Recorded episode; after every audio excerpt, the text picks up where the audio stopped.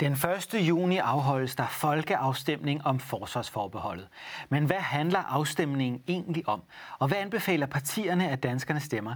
Det spørger jeg dem om i denne serie. Mit navn er Christian Folager. Velkommen til.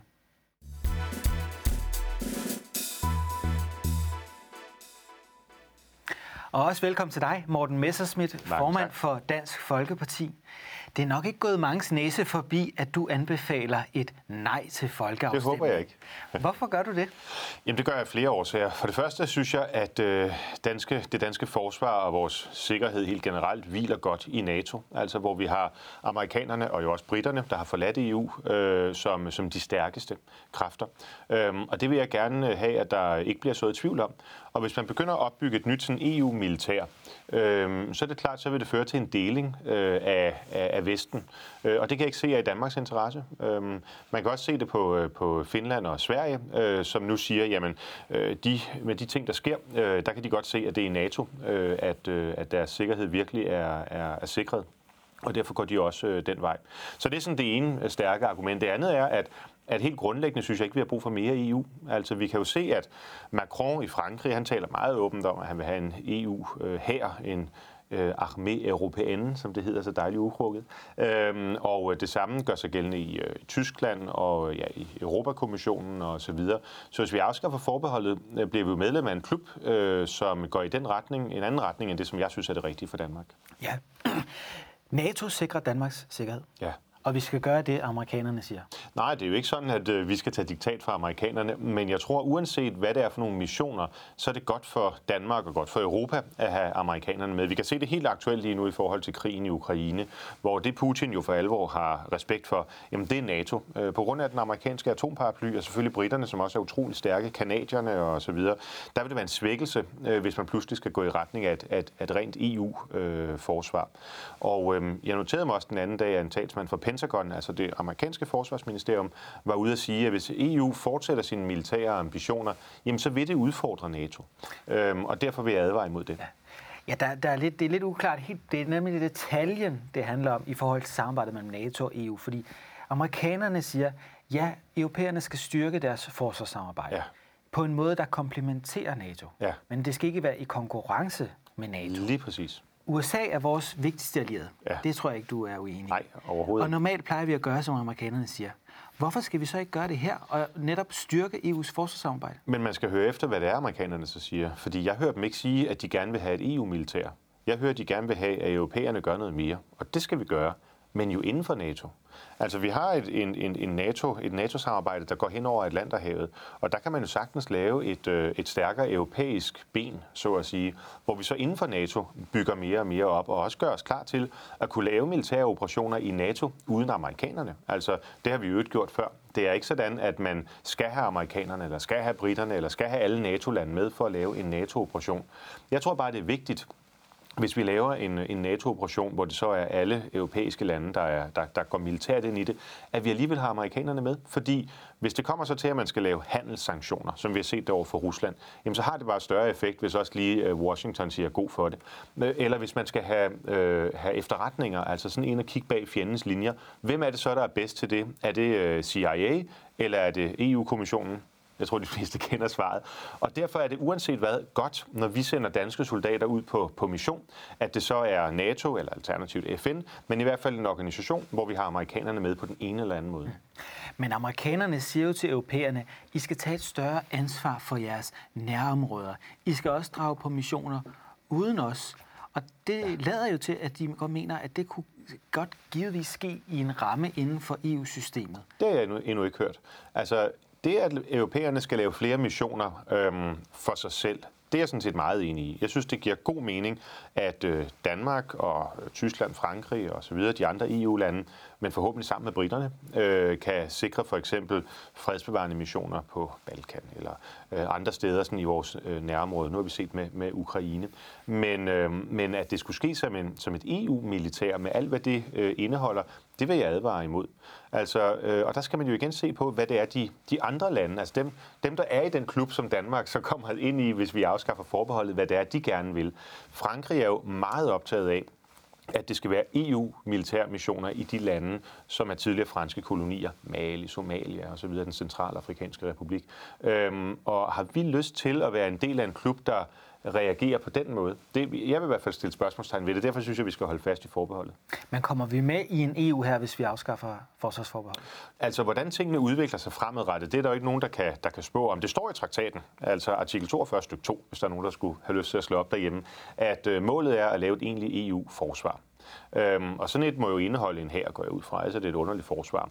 Men præcis hvordan så noget det kommer til at se ud, det ved vi jo ikke.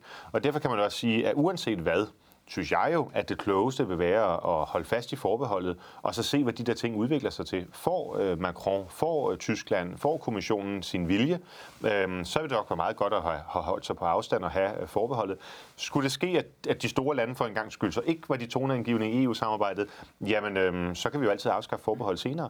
Sagen er, at hvis man først har fjernet det, så kan man ikke få det tilbage. Altså, det er ikke sådan, at man kan ringe ned til Bruxelles om fem år og sige, hey, vi har ombestemt os. Altså, det er nu, vi afgør, om vi vil af med det, eller om vi vil holde det. Altså, i politik kan alt vel ske.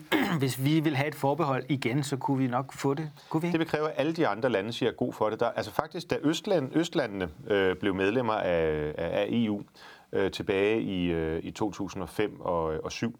Øh, der var der rigtig mange af dem, der spurgte, om de kunne få nogle af de undtagelsesbestemmelser, som, som galt for Danmark, blandt andet på, på sommerhusområdet. Øh, og det fik de alle sammen nej til. Så, så erfaringen siger, at det eneste tidspunkt, hvor man kan få et forbehold, eller få undtagelser fra EU-samarbejdet, det er, når man er i den helt særlige situation, som Danmark var i i 93, at vi havde blokeret for, at de andre lande kunne gå videre, og sagde, at vi vil kun gå videre ind i den europæiske union, dermed Maastricht og Edinburgh, hvis vi får nogle forbehold. Det der med at ringe ned og sige, at vi har afskaffet vores forbehold, og det har vi altså fortrudt, der får man bare at vide, at toget det kører. Men du anerkender, at for nuværende er det her samarbejde mellemstatsligt. Det vil sige, ja. landene kan selv bestemme, om de vil sende tropper ud på de her missioner. Ja. Men du frygter, at det bliver overstatsligt? Nej, altså jeg frygter jo alt fra EU. Det synes jeg, jeg har en hel del at holde i. Men øh, nej, altså det der jo er problemet, også inden for det mellemstatslige, det er, at fjerner vi forbeholdet, så kan et almindeligt flertal i Folketinget øh, jo sende danske soldater på EU-mission i alle de her lande, vi kan se, at, øh, at EU har militært engagement i. Og øh, vi, ved, vi ved bare, at øh, Folketingets almindelige flertal er meget, meget mere pro-EU end befolkningen i almindelighed. Og derfor synes jeg, man skal passe meget på med at øh, bare sige, at det kan Folketinget tage sig af. Det var faktisk det samme med retsforbeholdet i sin tid. Der sagde øh, Lars Løkke Rasmussen, som daværende statsminister også, at man kunne trygt overlade det til Folketinget at bestemme, hvilke retsakter inden for retspolitikken Danmark skulle være, være med i. Og der sagde danskerne jo klogeligt, at øh, det vil man godt lige sætte nogle begrænsninger for. Og det er det samme, der gælder her. Mm. Men der er ikke som sådan noget galt med, at danske tropper tager ud på missioner? Nej, det skal det vi da. Det er, er alene det, at det skal i EU-regi, du er Ja, altså ja. det er helt klart uh, EU-rammen, som jeg er bekymret for. Altså nu så vi forleden dag Mario Draghi, som er premierminister i Italien, øh, være ude og sige, at han vil egentlig gerne have, at man inden for udenrigspolitikken, og det er jo der forsvarspolitikken også ligger, inden for udenrigspolitikken fjerner vetoretten. Og øhm, det kan man jo sagtens gøre, selvom det er mellemstatsligt. Altså, der er jo masser af steder i, i det mellemstatslige EU-samarbejde, hvor, hvor øh, man ikke har vetoret, hvor der er flertalsafgørelser.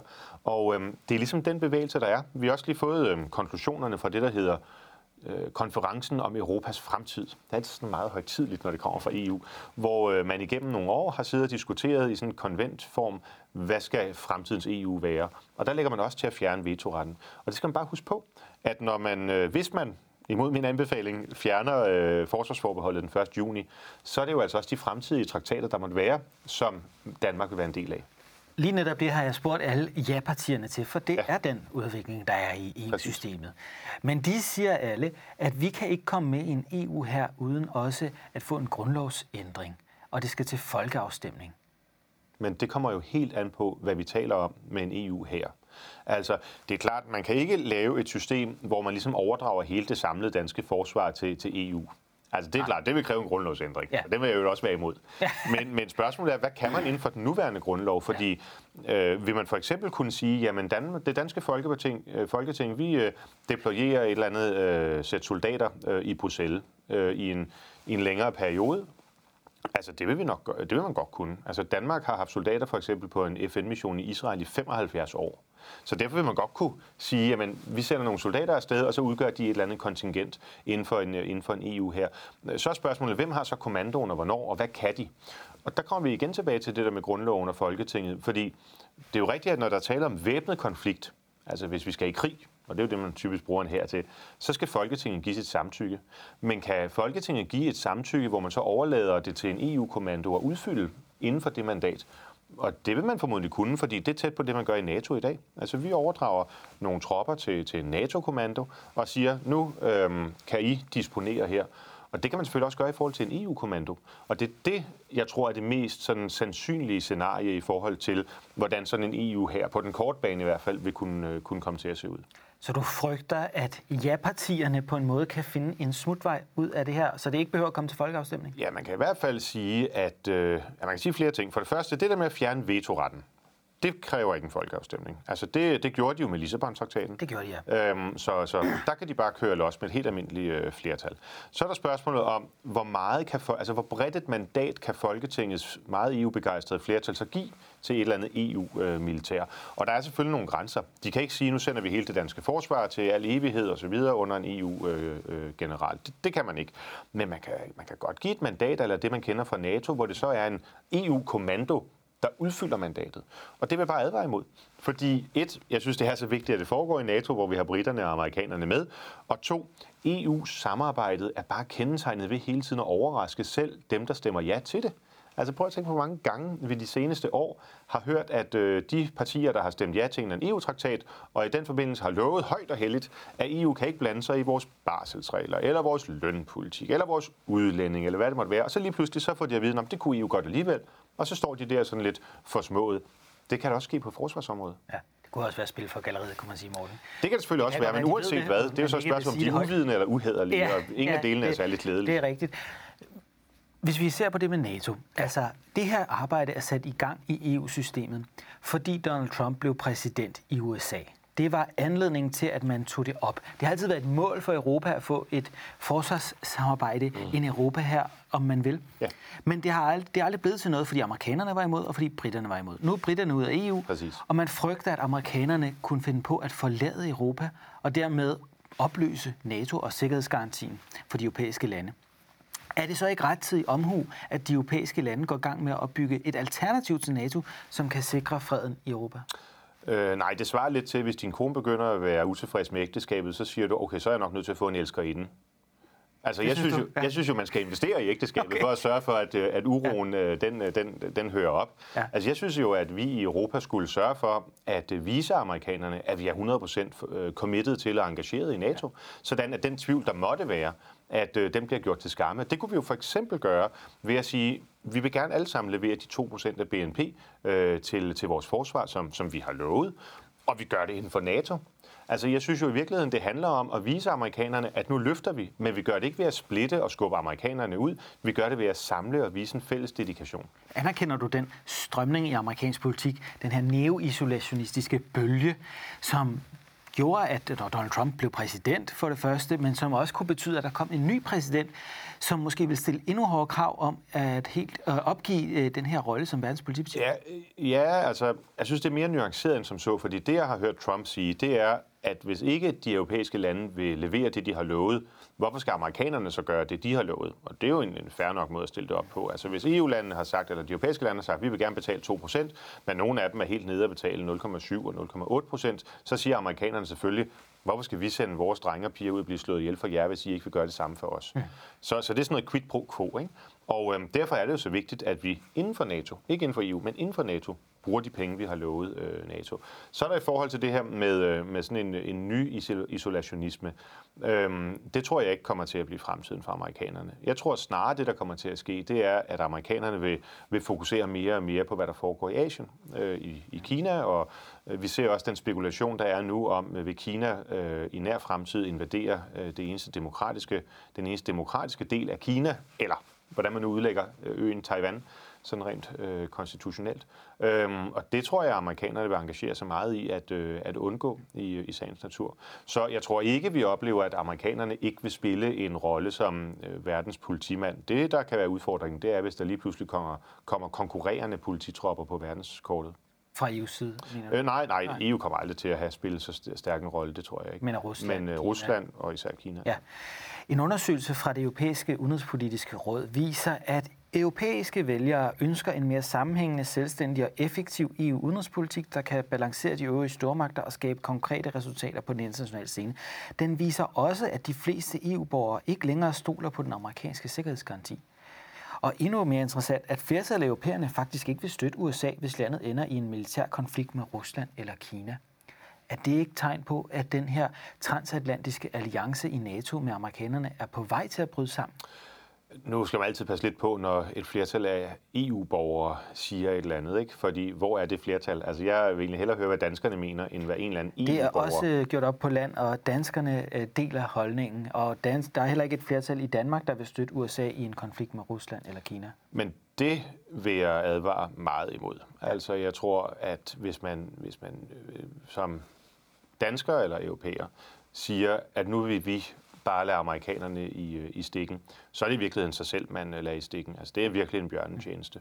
Fordi uanset om amerikanerne måtte mene, at, øh, at der er brug for dem andre steder i verden, så har vi brug for, når det kommer til de her konflikter, hvad enten de er reelt militære, eller om de er mere politiske, så har vi brug for alliancen med USA. Ja. Og, og jeg synes egentlig, at den her konflikt med, med Ukraine viser det rigtig godt, at øhm, tage de handelssanktioner, som EU har, har gennemført, de ville jo ikke have nær den værdi, de har fået, hvis ikke amerikanerne havde været med. Hvis ikke amerikanerne havde været med til at lukke for hele den finansielle sektor, så havde det slet ikke haft den effekt over på, på Putins økonomi, som, som det fik. Og det samme jo på alle mulige andre områder. Men viser de her tal ikke, at europæiske politikere indrigspolitisk ikke har opbakning til faktisk at støtte amerikanerne i den nye verdensorden, og dermed så vil alliancen vel på et tidspunkt bryde sammen? Jeg synes mere, man skal vente om at sige, at det viser, at europæiske politikere har svigtet den vigtige opgave, som vi jo fik løftet under den kolde krig i at tale om nødvendigheden med den amerikanske alliance. Altså hvis europæiske politikere stikker øh, deres borgere blå i øjnene ved at sige, at EU kan løfte det, som NATO kan, så øh, er det i virkeligheden et endnu større problem end, øh, end, øh, end, ja, end meget andet. Ja. Ifølge centrale toppolitikere, så skulle Donald Trump have sået tvivl om, hvorvidt han stadig ville støtte artikel 5, altså musketereden i NATO. Det kunne jo givet tænkes, at en fremtidig præsident ville gøre noget lignende, og at det vil ske meget pludseligt. Man får ikke nødvendigvis en advarsel. Om et år gælder garantien ikke længere. Det vil ske fra den ene dag til den anden, og så er NATO de facto brudt sammen. Hvis det skete, så vil Danmark stå uden forsvarsalliancer. Er det en dansk interesse? Nej, men det vil ikke ændres meget, hvis vi fjernede forbeholdet. Altså som Stoltenberg meget klart har sagt, det EU kan ikke forsvare Europa. Men det er altså, EU på vej til måske at nej, kunne gøre. Vi vil opbygge et europæisk forsvarssamarbejde, en EU her, som vil kunne sættes ind mod fremmede magter, der det truer europæiske lande. der tyder på. Altså for det første siger du det selv ved at opbygge. Altså man er i, i sin helt begyndende øh, fase. Øh, EU har ingen, øh, ingen hvad hedder sådan noget, kapabilitet, ingen øh, muskelkraft, øh, når det kommer til øh, alt det, som både er et militær, men også skal supplere et militær i forhold til indhentning af efterretningsoplysninger, øh, i forhold til cyberwar og den slags ting. Altså, øh, så, så, hvis, hvis, hvis NATO falder fra hinanden, så er vi fuldstændig øh, på herrens mark alligevel. Og det man så kan sige, det er, at i den situation, der er der et land, som vi så i hvert fald skal, skal være sikre på at holde meget, meget tæt, og det er Storbritannien. Altså fordi hvis amerikanerne i en eller anden tænkt situation skulle falde fra, så er det kun Storbritannien, der kan øh, med, sit, øh, med, sit, øh, med sin flåde og med sit øh, øh, atomarsenal osv., der kan på en eller anden måde kompensere. Øhm, og det understreger igen NATO-behovet. Så, så enhver tanke om, at en EU her kan erstatte eller supplere eller træde stedet for NATO, det er en fuldstændig illusion. Er det en fuldstændig illusion? Altså, de europæiske lande har jo den største samlede økonomi i verden. Vi har øh, over 400 millioner indbyggere.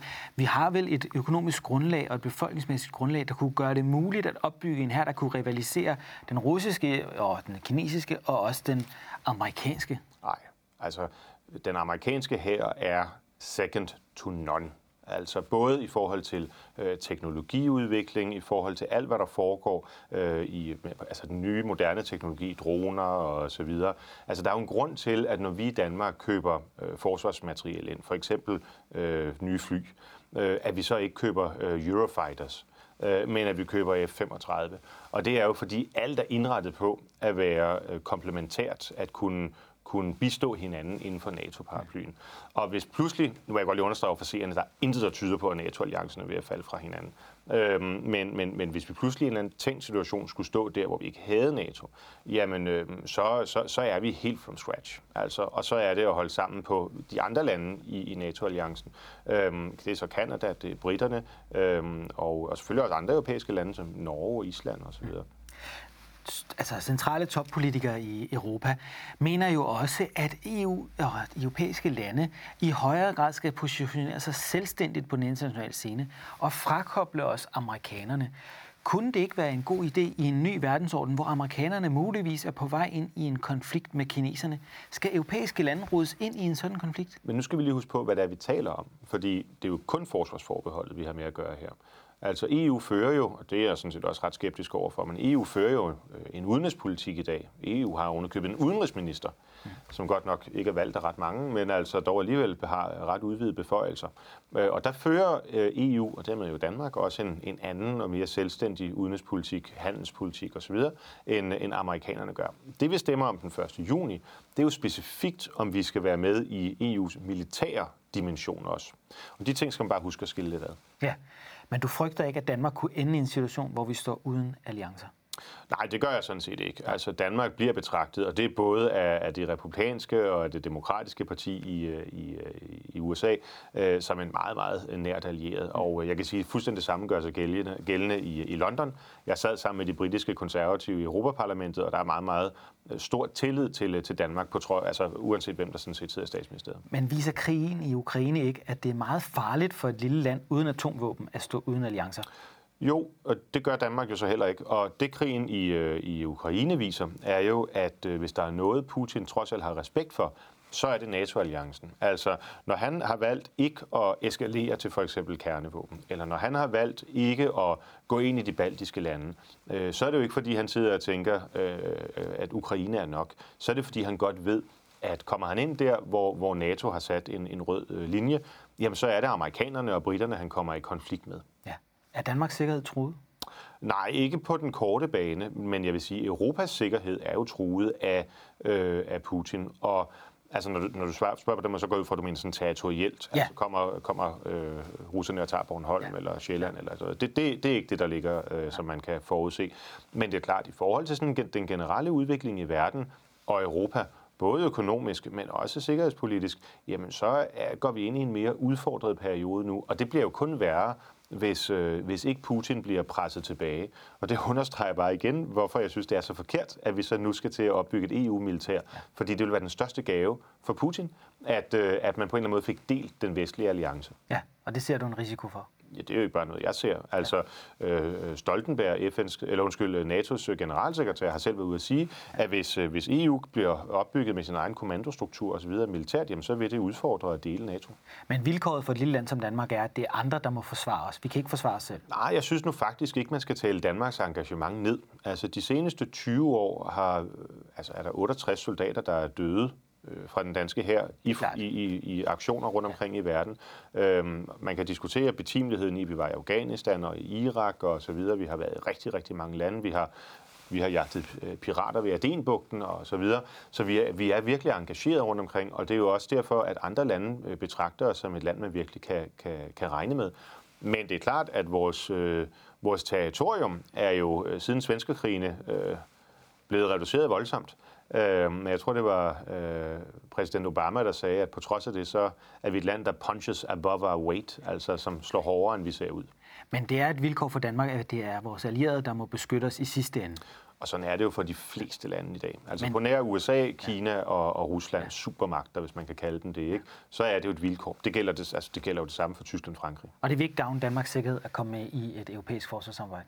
Nej, det er meget svært ved at forestille mig. Altså det vil jo gøre, altså det vil jo tage ressourcer fra, øh, fra vores NATO-forpligtelser, og øh, det vil gøre, at vi vil gå rådet ind i alle mulige konflikter, øh, meget ofte, som er mere en fransk interesse end en dansk interesse, fordi Folketinget så vil have mulighed for at sende danske danske soldater på krig i Mali og Somalia og øh, alle mulige andre steder, øh, hvor EU gerne vil hen. Vi må se, hvad danskerne siger den 1. juni, om de er enige med dig, Morten. Ja. Jeg tak, fordi du kom her i dag og tog debatten. Og tak til jer derhjemme, der så med. Husk, at vi snart er tilbage med et nyt afsnit om partierne og forsvarsforbeholdet. Vi ses.